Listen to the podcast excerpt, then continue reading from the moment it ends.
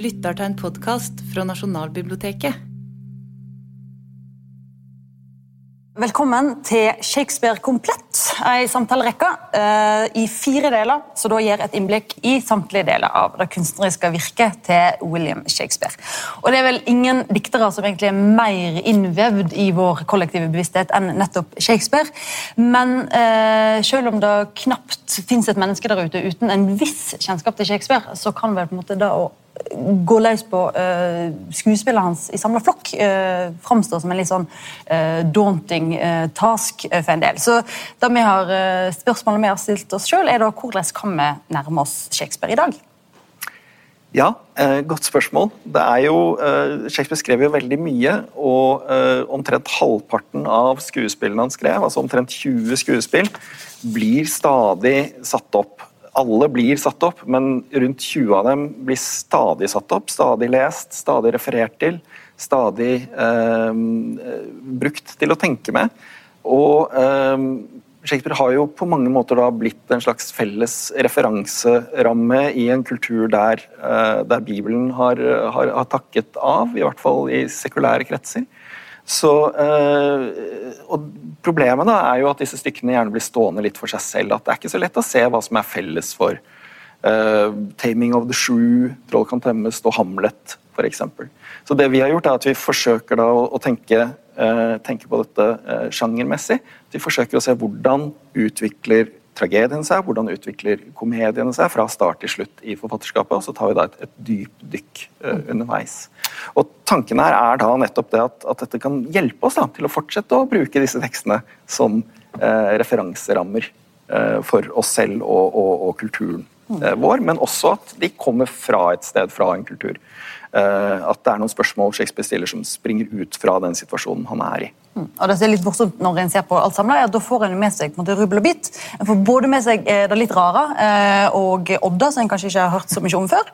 Og så får en med seg liksom, de virkelig store høydepunktene. Og sånn er Det jo, eh, det vi skal snakke om i dag, er jo da eh, komedier. Eh, og det er jo absolutt en, en gruppe skuespill med veldig stor, det er stor spredning i feltet. Veldig stor kan vi si. Mm.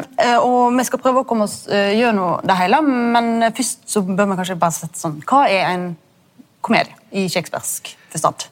Det er et veldig godt spørsmål. Eh, fordi at, eh, fordi at, de forandrer seg jo hele tiden. Og det er ikke sikkert at elisabethanerne selv eh, var så, hadde så var så nøye på hva som var en komedie og hva som var en tragedie. Altså, det kommer fra en slags underholdningskultur. Philip Sidney snakker om denne bastardsjangeren som de opererer i. Der det aldri er helt komisk eller helt tragisk, men stort sett da, sånn så tenker elisabetanerne at en komedie det er et skuespill som har en slags happy ending, mens en tragedie er en, et skuespill som uh, ender i en form for forferdelse, eller hvor forferdelsen kanskje blir avverget. Men hos Shakespeare så blir det ofte en komedie hvis, blir, hvis forferdelsen blir avverget. Så, eh, så, så, mye av dette her er, er en form for tragikomedier, eller blanda sjangre, som også har gjort at mange av de mer sånn strenge litteraturteoretikerne opp gjennom historien, fransk klassisisme og sånn, de liker ikke Shakespeare. Mens romantikerne, som elsket å blande sammen alt mulig, de elsket Shakespeare. Um, og Komediene det er som sagt, det er utrolig variert gruppe skuespill. Um, og det det ikke minst kjent for, er jo at det rommer jo noen av Shakespeare sine aller beste kvinneroller.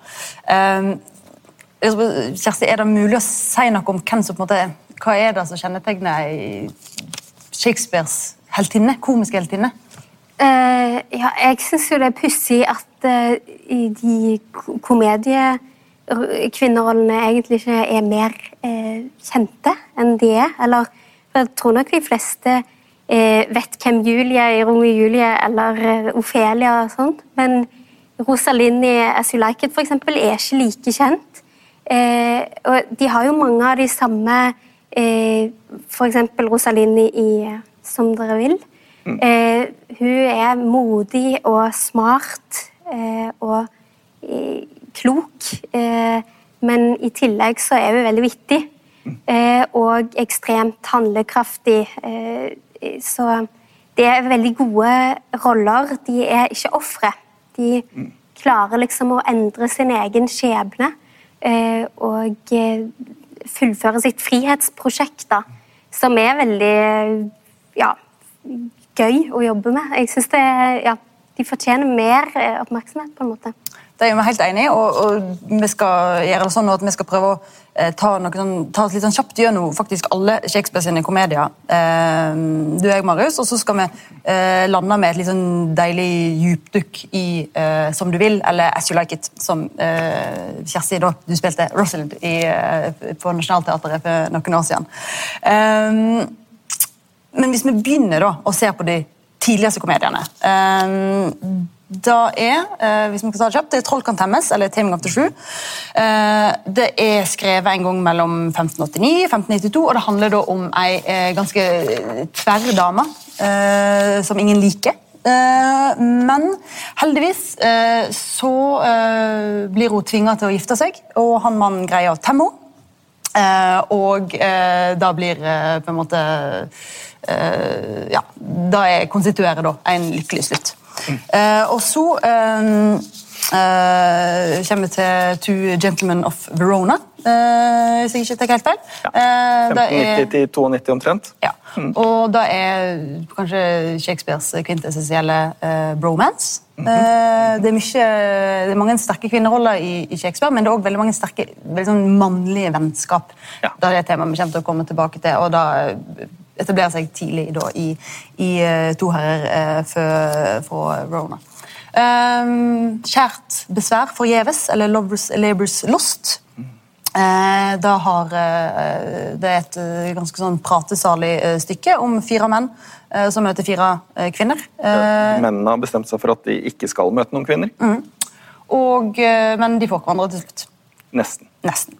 Eh, The Comedy of Errors, eller Forvekslingskomedien, Uh, da er her uh, introduserer Shakespeare et veldig sånn et, tema han skal komme tilbake til ofte. Det er jo den et tvillingpar. Fordoblinger. fordoblinger. Det er ikke bare ett tvillingpar, det er to tvillingpar.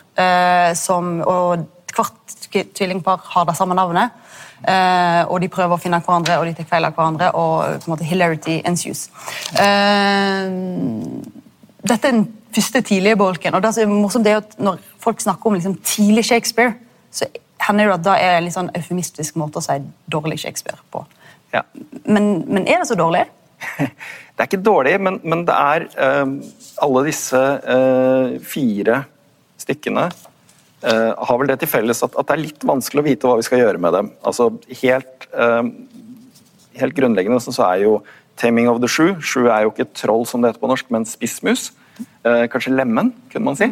Eh, Nedsetter ned, ja. ja, eh, er jo, er jo et stykke som er, er, har vært en utfordring. Da. og Grunnen til at det fortsatt er et av de mest spilte stykkene til Shakespeare, er at det er en kjempeutfordring. For Det er veldig lett å lese det som eh, et misogynt eh, stykke, som handler om hvordan eh, Petruccio knekker Catherine eh, og får henne til å underkaste seg. Men man kan også lese det stikk motsatt som at uh, Catherine er en ekstremist og omfavner alle ekstreme uh, posisjoner hun kan gå inn i. Men allerede her ser vi noe, noe helt sånn sentralt hos tidlig Shakespeare, nemlig at han er opptatt av kjønn og kjønnsroller og hvordan det kan, uh, kan, kan utforskes. Um, så er det litt interessant da med Two Gentlemen of Verona, fordi det vet vi egentlig ikke når, når det er skrevet. Så grunnen til at den er plassert tidlig altså uh, Taming of the Shrew den vet vi at er tidlig, fordi at vi har noen tidlige utgaver av en tekst som ligner veldig, som heter Taming of a Shrew. Men Two Gentlemen of, of Verona er et sånt stykke som, uh, som er veldig lett å like helt fram til siste scene. Ja. Det er uh, en, en, en, en scene som er vanskelig å svelge, og særlig for et moderne publikum. Det er et, for å sitere Dutty Dior på, i Hallo, mine venner de venter, så pass hun til bro. Hva er det som skjer der, Maria? Nei, altså, det, ja, det, De to herrer i Verona har jo kjempet om samme kvinne hele veien, Silvia. Ja. Eh, og Silvia vil egentlig ha, uh, ha Uh, den godeste Hjelp meg. Jeg, jeg husker, De er så like. Ja, de er helt, de er dødt, dødt like. Uh, Valentin heter han. Valentin, ja. Hun vil ha Valentin, men på slutten så, så prøver kompisen å, voldta Silvia. Eh, og Valentin han kommer inn eh, og redder henne, eh, men på en måte, i denne prosessen så blir de venner igjen. Og Valentin sier sånn Vet du hva, kompis, du kan få henne. Ja. Eh, og da er jo Men syns det er sånn Ja, hun, du, og du vet jo ikke hva hun gjør imens, men, men det er en scene som, som krever en intelligent fortolker i moderne sammenheng. Ja. Det er vanskelig å få til å fungere egentlig på, på, på noe nivå. Rett og slett. Um, hvis vi da uh, Men, men bare, bare det, det, var litt morsomt. Vi husket jo ikke hvem som var Valentin og hvem som var Protius, som er han andre. Ja. Og det er jo uh, faktisk noe av det som også tas med inn i Comedy of Errors, eller forvekslingskomedien også, fordi at der har du to tvillingpar som ikke kjenner hverandre. Videre, hvor det er vanskelig å si hvem som er den ene, hvem som er den andre, hvor den ene begynner og hvor den andre slutter. og Dette er jo en slags sånn grunntematikk som tas med videre i veldig mange av de andre stykkene også.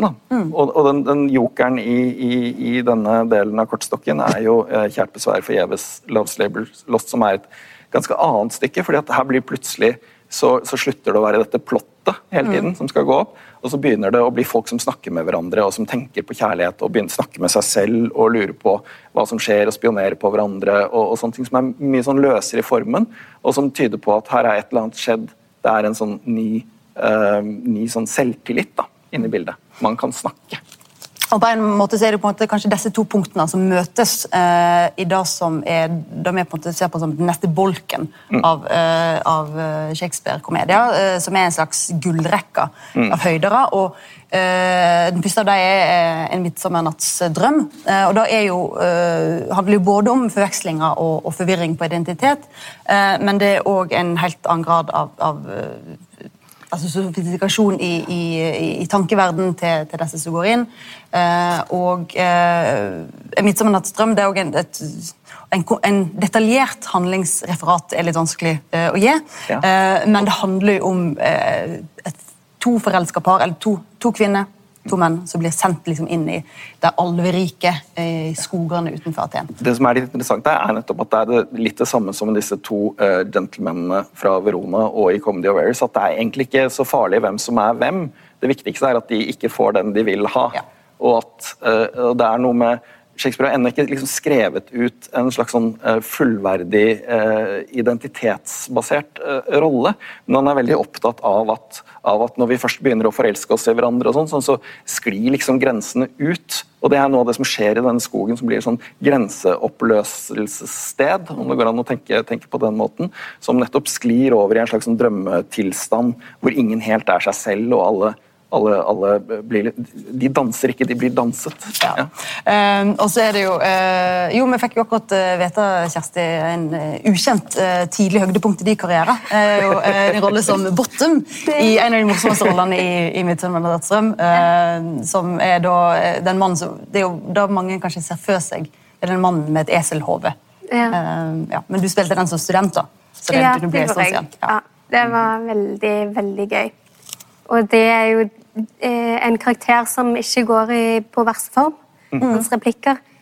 Så der, for å modernisere, så fikk da kunne jeg ha frie tøyler til å si omtrent hva jeg ville. jo, ja, hvis jeg bare får, får skyte inn det, så er det faktisk også en av skillene mellom tragedier og komedier. er at Tragedier går tradisjonelt på Shakespeares tid på vers, mens komedier der kan du blande inn prosa. Der er det mer som skjer, skjer, uh, skjer i prosa. Mm. Det fører også til en annen løs, løsere holdning. Da, mm. Mm. Absolutt. Det er veldig frodig.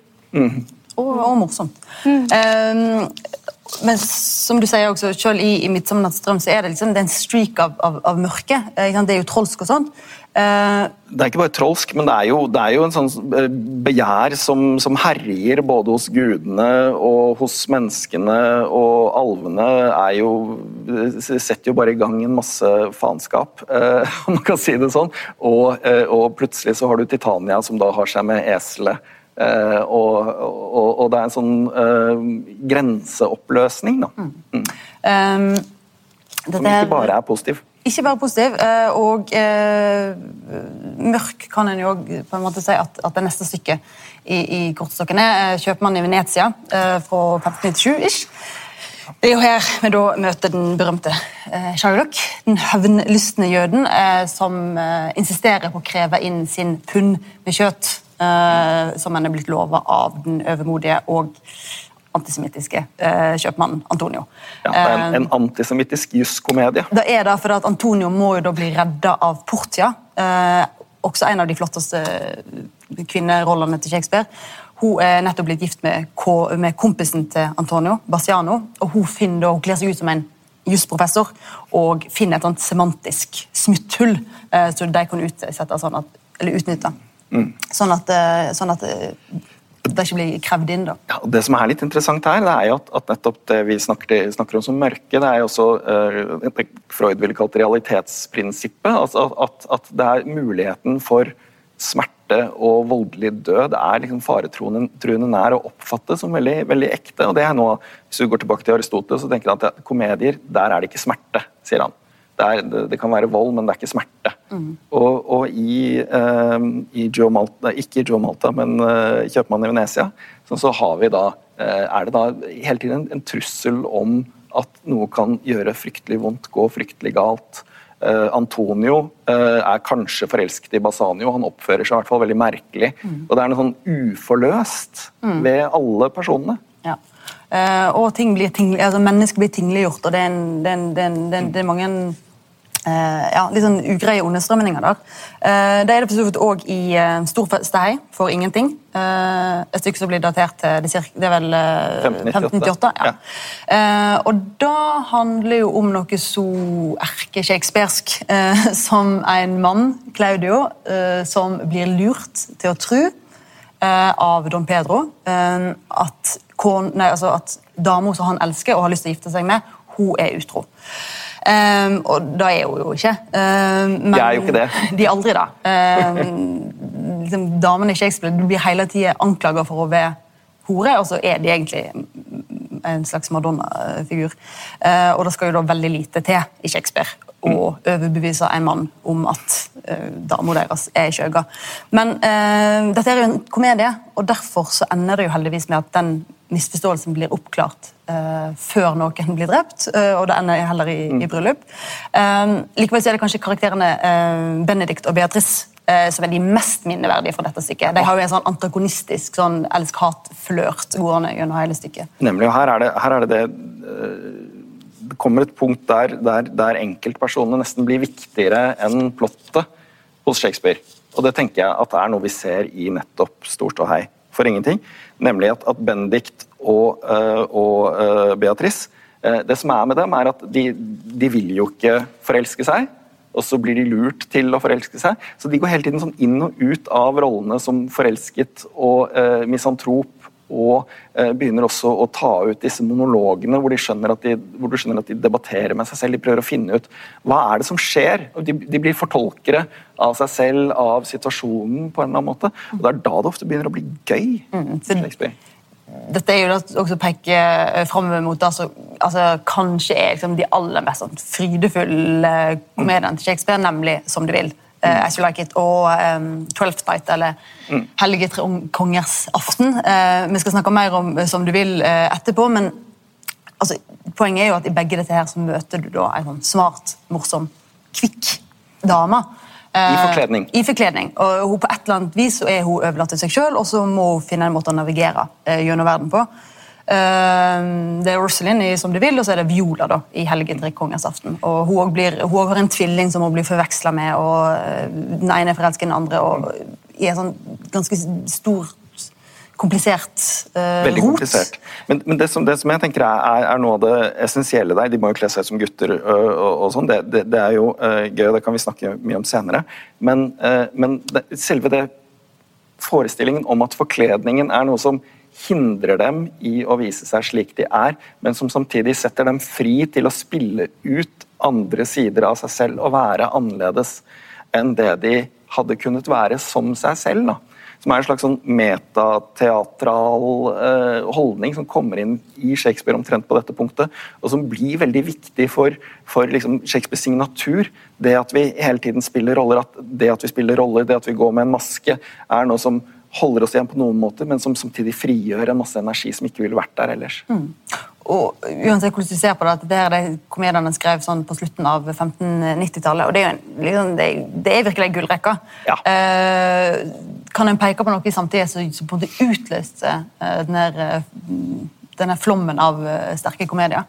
Ja, altså, eh, Vi snakket litt om det i forbindelse med, med tragediene. At det som skjer da sånn rundt slutten av 1590-tallet, det er at dronning Elisabeth eh, blir eh, åpenbart eh, så gammel at hun neppe kan sette noen arving til verden. Og man vet ikke helt hva som skjer. Hvem skal overta tronen etter henne? Det er masse spekulasjon, det er masse usikkerhet. Eh, og samtidig vokser det da fram en slags sånn satirisk måte å skrive på, en satirisk litteratur, som eh, myndighetene også forsøker å slå hardt ned på, fordi at satire er en måte å, å, å, å snakke sannheten om verden, om en i skjult form. Og det, det går så langt som til at det blir et bokbål Eh, hvor biskopen av London bl.a. Eh, setter i gang et bokbål der man brenner satiriske skrifter og også fremstillinger av historien, fordi at de oppfattes som undergravende dronningens autoritet. Hun er jo ikke død ennå, osv. Og i akkurat denne situasjonen da, så blir det da et stort spørsmål om hva, hva kan man vise på scenen, hva kan man eh, si, og hva kan man ikke si. Og Det er forskjellige leire eh, her, sånn, men, men nettopp den derre eh, nye uh, oppmerksomheten om forkledninger hos Shakespeare tenker jeg at er fristende, i hvert fall, å lese som et uttrykk for de mulighetene da, som ligger i, uh, i, litteraturen til å snakke rundt noe, si noe indirekte, uh, bak en forkledning osv. Ikke på den måten at det finnes én, én gyldig tolkning av disse her, som er en egentlig tolkning, men sånn som i As You Like It, da, sånn så er det et poeng at det er much virtue in an if. Altså at eh, som om, det å si noe som om, det åpner for at man kan si ting man ikke kan si rett ut. Og Dette er på en måte en slags grunnholdning som disse tekstene jobber med. Og så er det jo På et rent sånn praktisk eh, nivå så er det vel eh, grunn til å anta at Shakespeare hadde en fryktelig dyktig gudsskuespiller å jobbe med i denne perioden. Som kunne, liksom, som kunne, virkelig spille ut disse Roslyn særlig, også Viola, er åpenbart skrevet for dyktig, en, en, dyktig skuespiller, antageligvis en gutteskuespiller, da, som, som, er, eh, som kan, eh, kan ta ut mange lag i seg. Eh, og her er vi også da ved, ved at eh, Shakespeares eh, selskap, Lord Chamberlains menn, flytter fra The Theatre til The Globe, som gir dem en, en større eh, scene og en ny plattform til å, til å, til å snakke fra. Mm. Um, etter disse her, eh, denne liksom, liksom, uh, gullrekka, så begynner det å skli ut litt, kan vi si. Det er fortsatt morsomt, men, men en mørket begynner å ta enda mer overhånd i det vi fortsatt likevel kaller en slags eh, komedie. Og vi er nå over til det som gjerne blir kalt problemstykket. Mm. Like for like. Uh, measure for measure. Det er fra 603-604. Mm. Um, og grunnen til at Problemet ligger jo i at det er både tragisk og komisk, og så har det en sånn moralsk gåte i midten av seg som Shakespeare ikke gir en, noen god løsning på, egentlig. og i like for like så er den moralske gåta den er rett og slett at uh, Isabella, som er vordende uh, nonne, hun skal da finne ut om hun, hun skal ha sex med uh, Angelo, som er en ja. dobbeltmoralsk bestyrer av Wien. Broren til Isabella blir tatt for å ha sex med kjæresten sin, er det ikke det? Ja, det før de er helt offisielt gift. Før de er offisielt gift. Det er ikke lov. Og så sier da eh, eh, Angelo, som er den som er sånn opps, har oppsyn med seksualmoralen i byen, mm. si, eh, finner da ut at han kan la Claudio gå, for Claudio skal egentlig halshugges. Mm. Eh, er det vel? Ja. Hvis han får lov til å ligge med søsteren hans Isabella. Yield to my desire, sånn ja. sier. Um, og det ender jo med at Isabella blir uh, uh, altså Hun får hjelp av den egentlige bestyreren av byen. Hertugen har ikke inn å hjelpe henne, og ender opp med å fri til Isabella på slutten av stykket. og det er jo noe av det så, uh, sånn klassisk morsom Shakespeare er jo at um, Eller ikke morsomt, men han Eh, han gir oss jo ikke svaret til Isabella. Altså, dette, dette, stykket slutter med ei stum Isabella, så, så det er liksom åpent for tolkning om sier ja. Men kan hun si nei? Kan hun si ja? Antak, hun sier antakelig ja. hun gjør nok det, Men det er ikke sikkert hun er så fornøyd med det. Um, ja, Når enden er god, er allting godt. det er òg tittelen uh, på et problemstykke. All's well that ends well. Uh, problemet her er jo rett og slett vi vet ikke helt om vi kan si at den er så veldig godt. Uh, om det ender godt, nei. nei. nei. Det er en mann her, da. Bertram. han blir uh, tvinga inn i ekteskap med ei kvinne som han ikke elsker, Helene. Helene. Eh, og det er på en måte litt sånn der, det er nesten en sånn pendant til når troll, eh, troll kan temmes. Uh, for da, da stykket her egentlig på en måte kretser rundt, er Bertram sitt forsøk på å ikke ha sex med Helena, sånn at ekteskapet deres ikke skal bli gyldig. Men hun greier å lure han til å ha sex med henne likevel. Ja. Og da er jo etter dagens moralske standard Altså, det, Vi har ikke noe problemer med å takle at en kvinne vil ha en mann.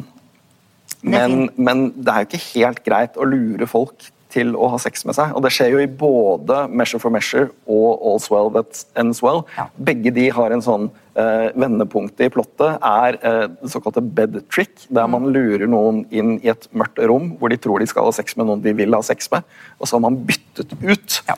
den de vil ha sex med, med den de bør ha sex med. Og så da på slutten av Oswald at Enswell så, er da Helena f.eks. gravid, og, og det er veldig bra. Ja. Men, men det, er jo, det er jo et overgrep. Det, det er et overgrep, og det, definitivt, det, er liksom sånn her flipsiden av en handlekraftig eh, heltinne. da. Eh, at dette er kanskje sånn i overkant handlekraftig eh, heltinne. Um, eh, og eh, ja, stram, Han strammer det ikke akkurat opp når vi kommer til måte, den aller siste bolken av komediene. Vi er over i uh, romansene. Eh, og uh, ja, De blir ikke kalt roman det er ikke romanser fordi de nødvendigvis er så romantiske, men det har dette her, det med den der eventyrelementet eh, som jeg spiller i. Eh, Perikles, stykket fra 607-08. Her blir eh, Det er veldig masse sex her, det må vi bare eh, Veldig mye er ikke- Det er ikke jeg som prøver å være liksom, eh, tabloid. Hvordan eh, starter det, Maria? jo, Det starter med at Perikles han avslører et eh, incestuøst forhold mellom eh, kongen og den kongsdattera han Perikles egentlig har tenkt å fri til. Fordi at Hvis du skal gifte deg med kongsdattera, da må du først klare å gjette og løse en gåte. Ja. Og hvis du ikke klarer det, så- så må du dø. Ja. Eh, Og Svaret på gåta er da at, at de, eh, faren og dattera eh, ligger sammen. Og Da må Perikles flykte. og Romansene har jo et helt annet, eller flere av de har et helt annet tidsspenn, så denne handlingen går jo over veldig mange år. Og Perikles finner til slutt ei kvinne han faktisk har lyst til å, å gifte seg med, og de får en datter. Eh, men eh, så blir de skilt av et eh, skipsbrudd, og dattera blir bortført av pirater på et, på et tidspunkt. Hun blir solgt til et bordell. Eh, Piratene selger henne til et bordell. Ja. Først Hun går på stranden, og så skal hun bli drept av en ond fangevokter. Og Så kommer piratene og redder henne, og så tar de henne med til et Ja. bordell. Uh, og uh, er kanskje noe av det mest minneverdige i dette stykket er på en måte uh, denne uh, datteren som sitter og greier å bevare dyden sin på bordell, for hun, hun, hun overtaler alle, alle horekundene til at de bør better their ways. da. Um, og dydighet og kvinnelig dydighet er jo også et tema i Cymbeline. Eh, eh, der er det prinsesse Imogen som blir igjen falskt anklaga for å være utro. Og hun må da rømme til Wales eh, eh, for å komme unna sine sjalu eh, elskere og ektemenn. Eh, og bare for liksom ta alt i ett, altså, og også i vintereventyret, eh, The Winter's Tale, så er det da ei, ei kvinne som blir anklaga for å være utro av Det er kongen. kong Leontes, som er sin egen Iago på en eller annen måte, og Ja. klarer å overbevise seg selv om at kona hans er utro. Eh, Løser det på dårligst mulig måte. Han takler det så dårlig. Eh, og da det, rakner jo helt, og han mister kona, han mister eh, sønnen sin, og han mister da igjen sin nyfødte datter. Eh, og eh, via noen ganske sånn heftige tankesprang, eh, både i Perikles og, og, og, og, Cymbeline og, og Vintereventyr, så, så, så, så kommer en jo til en, en, en god slutt, på en måte. Eh, den har en ganske bitter ettersmak, men, men, men det løser seg på, et, på et vis til slutt. Um, og eh, litt mer contained er jo Stormen. eh, som da er dette på en måte gjerne blir omkalt som det siste store skuespillet til, til, til Shakespeare. Der du møter Prospero, som bor på Den magiske øye sammen med dattera si. Uh, og uh, kaller, til, kaller på stormer og får uh, broren sin, uh, som har sveket han til øyet. Og dette går jo da rundt til at, eh, at Prospero til slutt finner en slags forsoning eh, og gifter bort dattera si, etc. etc. ja. Kan, kan jeg få ta noen oppsummerende ord? ja, må, jeg tror vi, må, vi må kommentere litt, for dette her Ja, har jo skjedd ja, veldig masse siden. Nei, det har skjedd veldig mye siden forvekslingskomedien. Altså, det har skjedd veldig mye siden forvekslingskomedien. Det har også gått ganske lang tid. Noe av det som er interessant, Hvis vi går tilbake til disse problemstykkene, da, um, Measure for Measure og All's Well That Ends Well, det er jo at De hører jo til den tiden som er rett etter at dronning Elisabeth er død og kong James har kommet til makten. Og Det gjør at man må begynne å skrive på en annen måte. Samtidig er det ting som tyder på at dette er en ganske dårlig tid for Shakespeare selv. Han slutter å spille i skuespillene, virker det som. Og eh, det kommer ikke så fryktelig mye i de første årene av James' rike, før det liksom løsner sånn rundt 1606 med, med uh, King Lear og Macbeth og alle disse store tragediene. Men de to problemstykkene de er uh, enten sånn så er, har han da samarbeidet med en annen romantiker som heter Thomas Middleton, eller så Thomas Middleton revidert det med ettertid. Vi er ikke helt sikre på akkurat hva som har skjedd, men han er til stede. Han tilhører en yngre generasjon, nemlig den generasjonen som har vokst opp med denne satiren, og som tenker, har en mye mer sånn kynisk holdning til seksualitet generelt, og, eh, og til hvordan det kan representeres. Mm. Og Når de er problemstykker, så er det nettopp fordi at, at, at selv om de liksom slutter bra, så det, sitter man igjen med en emmen smak i munnen. sånn dette kan jo ikke bli fint for noen. Nei. ikke sant? Men så, da, eh, så, så, går det noen år, så kommer vi over i denne romanseperioden. Som, akkurat, som, som du sier er, mer eventyrpreget, og som er veldig mye mer episodisk. Tar oss med over store geografiske distanser. Eh, plutselig tar, kommer det et hopp på 10 år mellom to scener, eller 16 år eller 20 år, eller hva som helst. Eh, og, og det, det det handler om, er at uh, hoffkulturen under James er helt annerledes. James er mye mer opptatt av uh, maskespill, av det prangende, av det show, rett og slett. Og dermed så flyttes, det, flyttes på en måte fokuset hos Shakespeare også ut fra karakterenes indre liv eller fortvilelsen til en Roslyn f.eks. Og ut i alle disse situasjonene man kan plassere dem i. En scene på en flåte for eksempel, eller i stormen i stormen osv. Og, og, og, og det handler også om at i denne perioden så flytter uh, Shakespeares kompani The Kingsmen delvis over til en innendørsscene. For som vi vet, The Globe er ute i dagslys med tilskuere rundt. Så kommer vi inn uh, for en uh, mørk, mørkere sal opplyst av stearinlys. Og det som skjer da, det er at, uh, at, Shakespeare begynner å skrive på en annen måte. Fordi at Når han skriver for The Globe, så må alle si hva som skjer, fordi at alle skal kunne følge med. Men når vi kommer inn, så blir det det visuelle spetakkelet mm. som er, er, er, det, viktigste. og Da begynner også å, henge, å senke guder ned fra scenen for å løse opp i ting. Men det som er veldig fint da, i disse, uh, disse, romansene, selv om de er fullstendig spinnville De er sånn uh, Disney blandet med incest uh, og Tarantino eller et eller annet sånt der hodet ruller og alt mulig. Det som er, er, litt vakkert, det er at i de tragediene som han skriver da, sånn rundt 1606 til 08, så er han utrolig uforsonlig. Det går liksom, det går skikkelig dårlig med alt og alle. Mm. Alle du heier på, bukker under. Men i disse senere romansene så er det, er det akkurat som man har fått beskjed du, ikke mer av de der eh, alle dør og ingen blir lykkelige nå. Vi trenger litt håp her. Vi trenger litt håp her. Vi trenger, eh, vi trenger en sånn feel good-ending. Så også i Perikles, for eksempel, som er, han, Perikles skriver han sammen med en hallik som heter George Wilkins, som er beryktet for å ha sparket en gravid dame i magen. Ikke hør på nå. Eh, men, eh, og han er virkelig en guffen type. Men mot slutten av Perikles, når Perikles da gjenforenes med datteren sin som han tror er død, sånn så er det akkurat som du har King Lear og Cordelia bare med happy ending til slutt. Og hvor de tilgir hverandre. De har gjort gærne ting, men så kan de tilgi hverandre, og så kan de gå videre. Og Leontes i, i, i vintereventyret, som også får muligheten til å forsones med kona si, som han da har, uh, har, har støtt ut i det ytterste mørket og drept. Ja, om noe så kan du si at, måte, at, at, noen av disse mennene slipper kanskje litt veldig billig unna, eh, egentlig. men eh, det, er jo, men det er jo heller ikke altså, da Shakespeare har altså, Han tematiserer jo veldig mye eh, seksuelle relasjoner og på en måte det mørke i seksuelle relasjoner. og, og makten og, og, kontrollen over kropper er jo på en måte Og Det er særlig i problemstykkene. Ja, spesielt i, i problemstykkene. Er hvordan du regulerer sex, hvordan du regulerer kjønnstrafikk.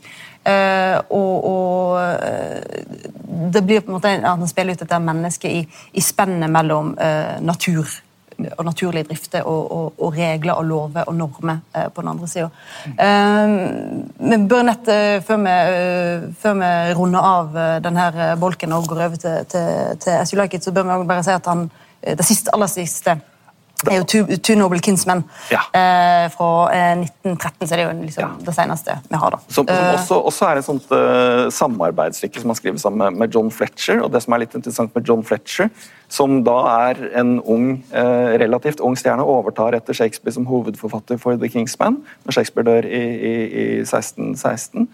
Eh, han har faktisk sk- skrevet om det første, den første komedien til Shakespeare, altså 'Taming of the Shrew', lager da rundt sånn 1613 John Fletcher en ny versjon av som heter 'The Tamer Tamed', som handler om hvordan Petruccio eh, da har blitt enkemann etter Kate, eh, eller Catherine, og så får han en ny kone, og så er det han som blir temmet. Det er litt gøy, da. Ja. Um, ja, og Two Noble Kinsmen er jo på en måte også, Det er litt sånn gordisk Eller det, det handler om to herrer som kjemper om den samme prinsessa, og så uh, istedenfor å gi en helt sånn clear cut Eller det er en gordisk knute han kapper over på slutten der, at, eh, at den ene av de dør. sånn at Den ene av de dør, og det, og det er jo noe som gjør at, at det er vanskelig å tenke på det som en komedie, samtidig som det, det er ikke en tragedie heller. Men disse to edle frendene da, de har da tenkt å forlate kongsgården fordi at uh, hoffet er gjennomkorrupt, og så blir de invadert, og så bestemmer de seg for at det edleste er å, å ikke stikke av, men å være igjen og slåss på kongens side. Og så de da, taper de krigen, blir de tatt som krigsfanger, og så forelsker de seg og så i samme jente. Og så er det bare det at, at, eh, at eh, bare én kan få henne. Og da bestemmer de seg for at, eh, at i stedet for at de skal drepe hverandre sånn så, helt ut og ingen får noe som helst, sånn så kan de ha en duell. Og den som vinner, får henne, og den andre må dø. Og så gjør de det. Ja, Og så, så sitter vi igjen da med en slags sånn vemodig stemning som, eh, som kongen i byen holder en sånn tale til slutt og sier sånn at eh, ja, livet er ikke noe enkelt. Det det. herjer med deg, og så vi får bare ta det vi får. Og Det er litt den, den stemningen man sitter igjen med eh, mot slutten av Shakespeare-karriere. At, eh, at uh, livet kommer til å herje med deg, og har du flaks, så lever du en stund, og du får bare være takknemlig. Eh, men uh, la oss spole tilbake til litt Ja. lykkeligere Litt tider. Eh, I, eh, i eh, Som du vil. Ja. For nå syns jeg vi skal, vi skal snakke litt om Nå det. må vi ha og- Kjersti. Bare for, for, for å sette scenen, da. Eh, som du vil. Da er vi i et slags Frankrike. Eh, ikke veldig strengt definert. Eller, det er Frankrike, men Enten er det Frankrike, eller så er det Arden, der Shakespeare Ja. kommer fra. Det er liksom begge eh, deler. Og det som skjer er at eh, Rosalind eh, hun blir forvist fra hoffet av den slemme onkelen sin, eh, som allerede har forvist og tatt plassen til faren hennes, som er egentlig sånn den ekte, sanne herskeren. Og den Faren til Rosalind han lever nå en litt sånn bohemsk eksiltilværelse i Ardenskogen. Og ja, Kjersti, kanskje du bare Hvem er Rosalind, og, og hva slags Kan du si noe om liksom, hva slags status denne rollen har blant skuespillere? da? Eh, ja, altså som, som jeg var inne på i sted, så er, han jo ikke så velkjent som eh, mange av de der tragiske eh, Shakespeare-kvinnerollene. Jeg var ikke noe kjent med den rollen før jeg skulle inn og spille den. Men så ble jeg jo veldig glad i han, for hun er jo ja, utrolig mange fasettert og ja, gøy. Hun, hun drar ting veldig langt. Ja, er- ja, hun- hun er Noe, av det som skjer der, er jo at hun forelsker seg jo da i Orlando ved hoffet. og Så skilles de ad, og så kommer de ut i skogen, og så har Orlando også flyktet ut i skogen sammen med den gamle tjeneren sin Adam. Og så er jo han forelsket i Rosalind, så han begynner å skrive eh, dårlige kjærlighetsdikt og lime dem opp på trærne. Eh, og da er jo Rosalind ikke seg selv. Da er hun utkledd. Ja, nemlig. Fordi han eh, møttes på hoffet, eh, ved hoffet og, og, og blitt kjempeforelska. Og så møtes de igjen i, i skogen der, og så eh, Overraskende nok på en måte så velger Rosalind å ikke avsløre hvem hun egentlig er, men hun går ut der som eh, mm -hmm. som eh, ja, Ganymedes. vi sier på, ja, på norsk. da.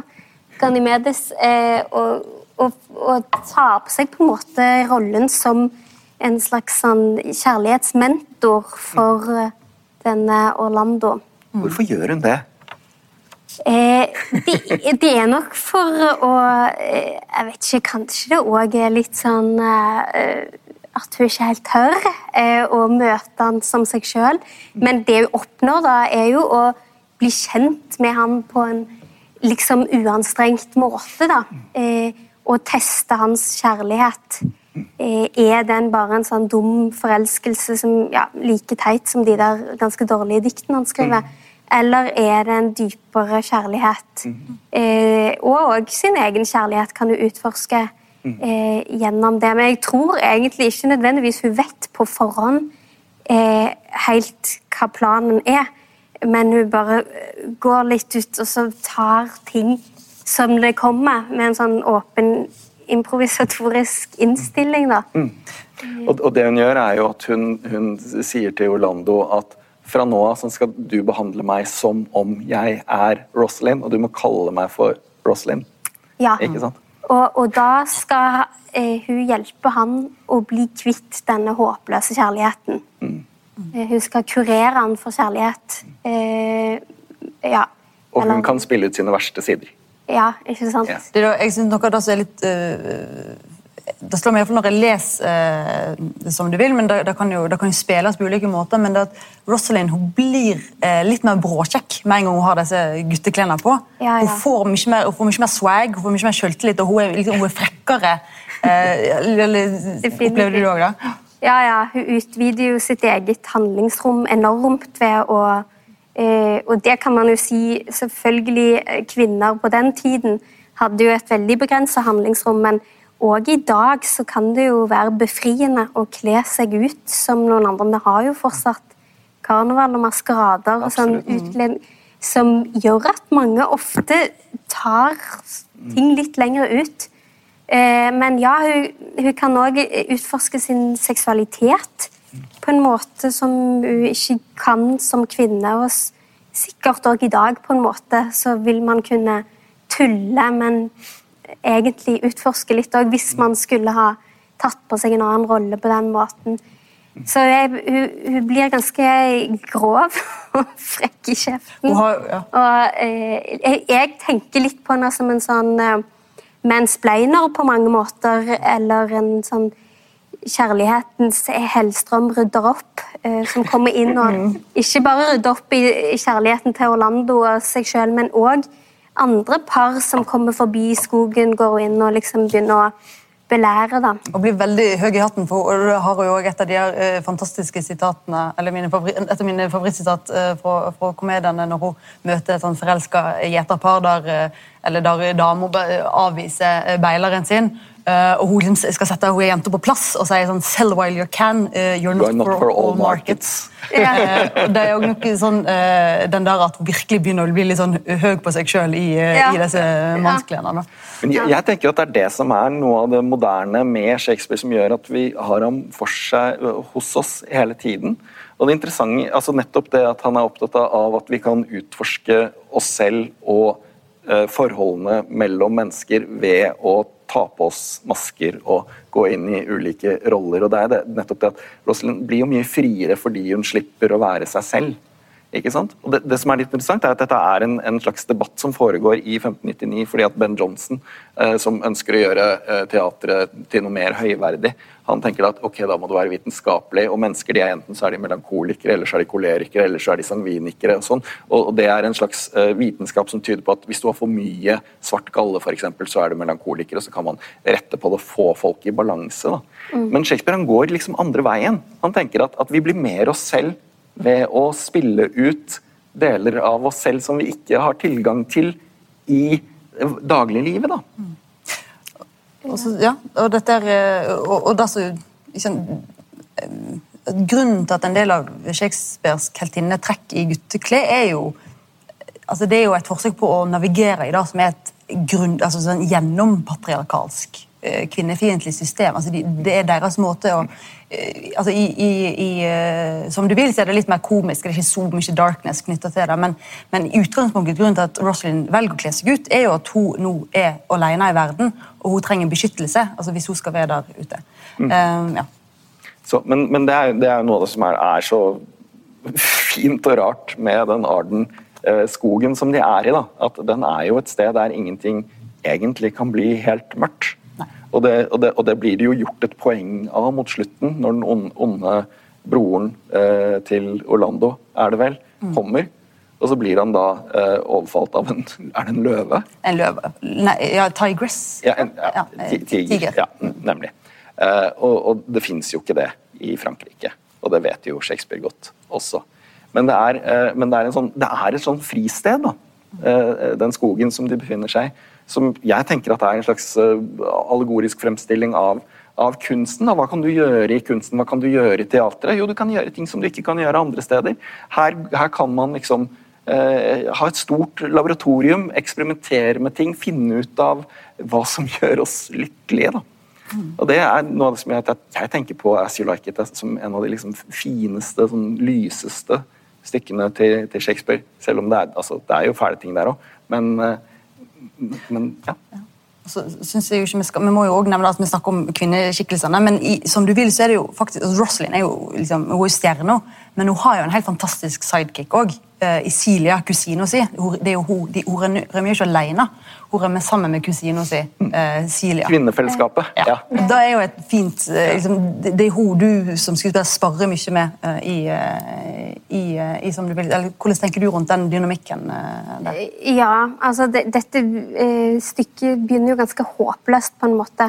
Og i det hun Rosalind blir landsforvist så er det jo på en måte Celia som er mest sånn OK, jeg er med deg, mm. og vi går ut der, og dette får vi til. Og så eh, er jo Rosalind ikke noe vanskelig å vende, da. Eh, og så ja, kler de seg ut eh, og, og, kommer seg av gårde. Men de, de blir beskrevet som eh, at de, de, de, har en nærhet som er eh, Ja, de er nærere enn søstre, da. Mm. Så de er ekstremt eh, lojale mm. mot hverandre, og kanskje spesielt Celia. da, som... For det er noe med det, ikke sant? at I de tidlige stykkene så har du disse, disse manneparene, mm. sånne de, uh, Two Noble Kinsmen og sånn, mm. som, som, mest av alt bare sånn OK, du er forelsket i henne, jeg er også forelsket i henne. Altså At, at det er en sånn kompetitiv uh, greie som, som, som, driver plottet fremover. Men med, med, med Celia og, og, og, Roslyn så er det mer det at, at de gir hverandre det rommet de trenger for å for å utfolde seg og ha det fint. Må det også skytes inn at, at, at det jo er skuespillere som da spiller disse kvinnene, som spiller gutter, som spiller jenter, som spiller ja, originalt. Så, så, det er originalt. Så, så, det er jo, altså Hos Shakespeare sånn, så det er jo man kan jo bli svimmel av å tenke på det også i, i, i hvis, måte, det er sånn, hvis det var homoerotikk du, du savna, uh, så, er det der, det også. Da, eh, det er der, altså. For det er jo på en måte, det er jo veldig, Du kan jo veldig lett spille som at, at, at Celia nærmest er eh, forelska i, i Roslyn, eller at hun har en veldig sånn eh, den, den, relasjonen kan jo spilles Den er veldig nær, i hvert fall. Den er veldig, veldig nær. Den er, er vel ikke seksuell, men nær. Nei. Eh, den er veldig tett. Mm. Mm. Uh, uh, dette er jo en komedie, eh, og eh, den er morsom, kan vi vel postulere. Men, men, hva er det som gjør den morsom, egentlig? Det er jo ikke, det, er ikke alltid med Shakespeare at, at det sier seg sjøl. Liksom, hva, hva, var din erfaring med hva som fungerte hos publikum, og hva, hva var det folk lo av? Ja, altså Det som er Det er jo ganske tidløst, tror jeg, det der at man går inn og, og prøver å, å spille noe man egentlig ikke kan, eh, som her er eh, å, å gå inn i en mannerolle.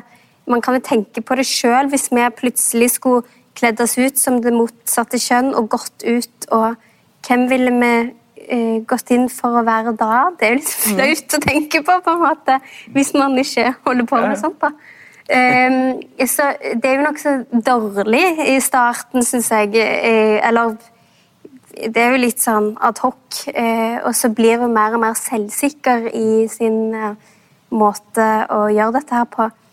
Men eh, det å se henne famle litt i, i dette landskapet. Det er morsomt. De, publikum har allerede blitt kjent med Rosalind som Rosalind, eh, kvinne. Og det vi syns fungerte ekstra godt, var eh, å gjøre henne ekstremt mandig, da. Eller eh, at hun prøver på det.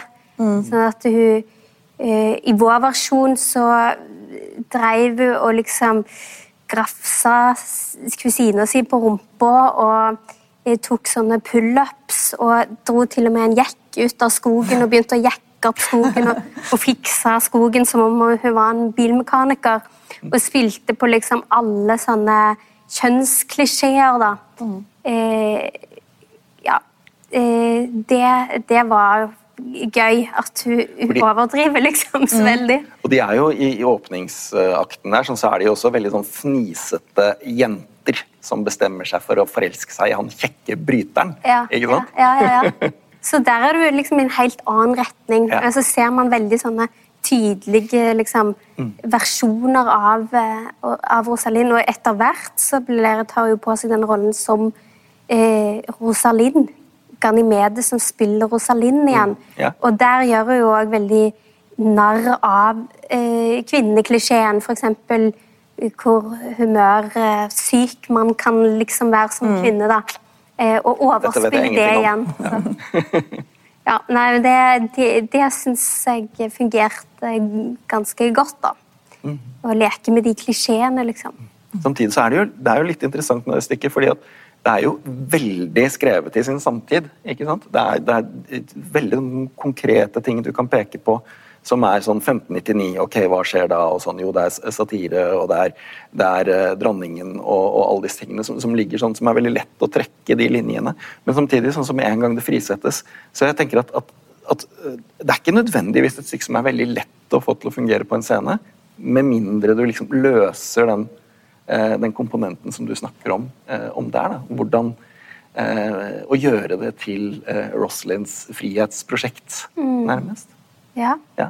Og det er jo, han skriver jo Shakespeare, det er jo, det er jo eh, altså Rolletolkingene er jo helt avgjørende. ikke sant? Ja. Og, det er jo, og, og, og, Shakespeare har jo òg mye fysisk, eh, altså muligheter for fysisk komikk og ren sånn her eh, plumphumor. Eh, mm. Og men sånn, dette her er liksom sånn du har Som skuespiller har du jo virkelig det eh, Da å ta ut av potensialet, mm. det er jo det som er det morsomme. Ja, og, og As You Like It er jo også et av de stykkene der det er minst plott. Det er, flest, det er mange sånn enkeltscener som er morsomme i seg selv. Men det er ikke sånn at uh, altså, plutselig så kommer denne tigeren. Mm. og sånn til slutt. Men det er ikke sånn at, at, vi beveger oss fram mot en sånn uunngåelig uh, ende. Og, uh, og, vi aner vel at Orlando og Rosling kommer til å finne ut av det. På en eller annen måte. Når tror du at han oppdager at hun er Roslyn som spiller Ganymedes, som spiller Roslyn som spiller Mm. Når gjennomskuer han henne? Uh, ja, det, vet du hva, jeg er ikke helt sikker. Gjør han det i det hele tatt? Nei, jeg vet ikke. Nei, det, uh, ja, jeg tror ikke vi tenkte at han gjorde det før. Og det er jo liksom teit i seg sjøl, på en måte, men, men uh, ja, han, helt på, på, slutten så ligger jo Orlando på en måte litt foran eh, Rosalind, for han, han, går jo lei av dette spillet, for hun herser jo veldig med han på en måte. Eh, og da skjønner hun nok at eh, hun, har, hun, har, tatt for langt, da. Eh, så, om, ja, men det er mulig han har funnet det ut før det, altså. Ja, nå mm, skal jeg eh, runde av her, men, eh, og det er jo siden, altså, uten å avsløre for masse, så, så ender det jo bra. Uh, går bra til slutt. Bra. Ja. Alle gifter seg. Uh, det blir flere bryllup. Ja. Bortsett fra han ene som ikke har nevnt, uh, Wiss, som ja. er en slags sånn satiriker i skogen. Han bestemmer seg for at han vil heller være i skogen. Ja, han blir værende. Og, det er jo da Jakewiz bak den berømte All the World's a Stage-monologen. Den fikk vi ikke tid til å diskutere, det får bli ved en annen anledning. Men tusen, tusen takk for samtalen. Og ja, jeg skulle avslutte med et eh, 'som du vil'-sitat, men uh, da får ja, vi altså Jeg kan jo si da, helt til slutt at, at nettopp den 'All the World's a Stage'-monologen til Jake Wiz den er jo morsom, fordi at, fordi at det er lett å tenke at sånn er det. Først er vi slik, og så er vi slik, og så er vi slik. Men det er jo nettopp den satiriske Ben Johnson-holdningen. At du er fanget i den rollen som spedbarn, ungdom, voksen, olding osv. Mens, mens det Shakespeare-stykket viser, det er at du er ikke fanget. Du kan faktisk finne opp deg selv. Som du vil. Yes. Tusen takk uh, for nå, og uh, så ses vi forhåpentligvis til lyrikk og tragedier med et senere høve. Altså, man kan jo ikke oppdage en sånn historie uten å bli litt grann sånn i se og hør-modus, selvfølgelig. Dette er pikant.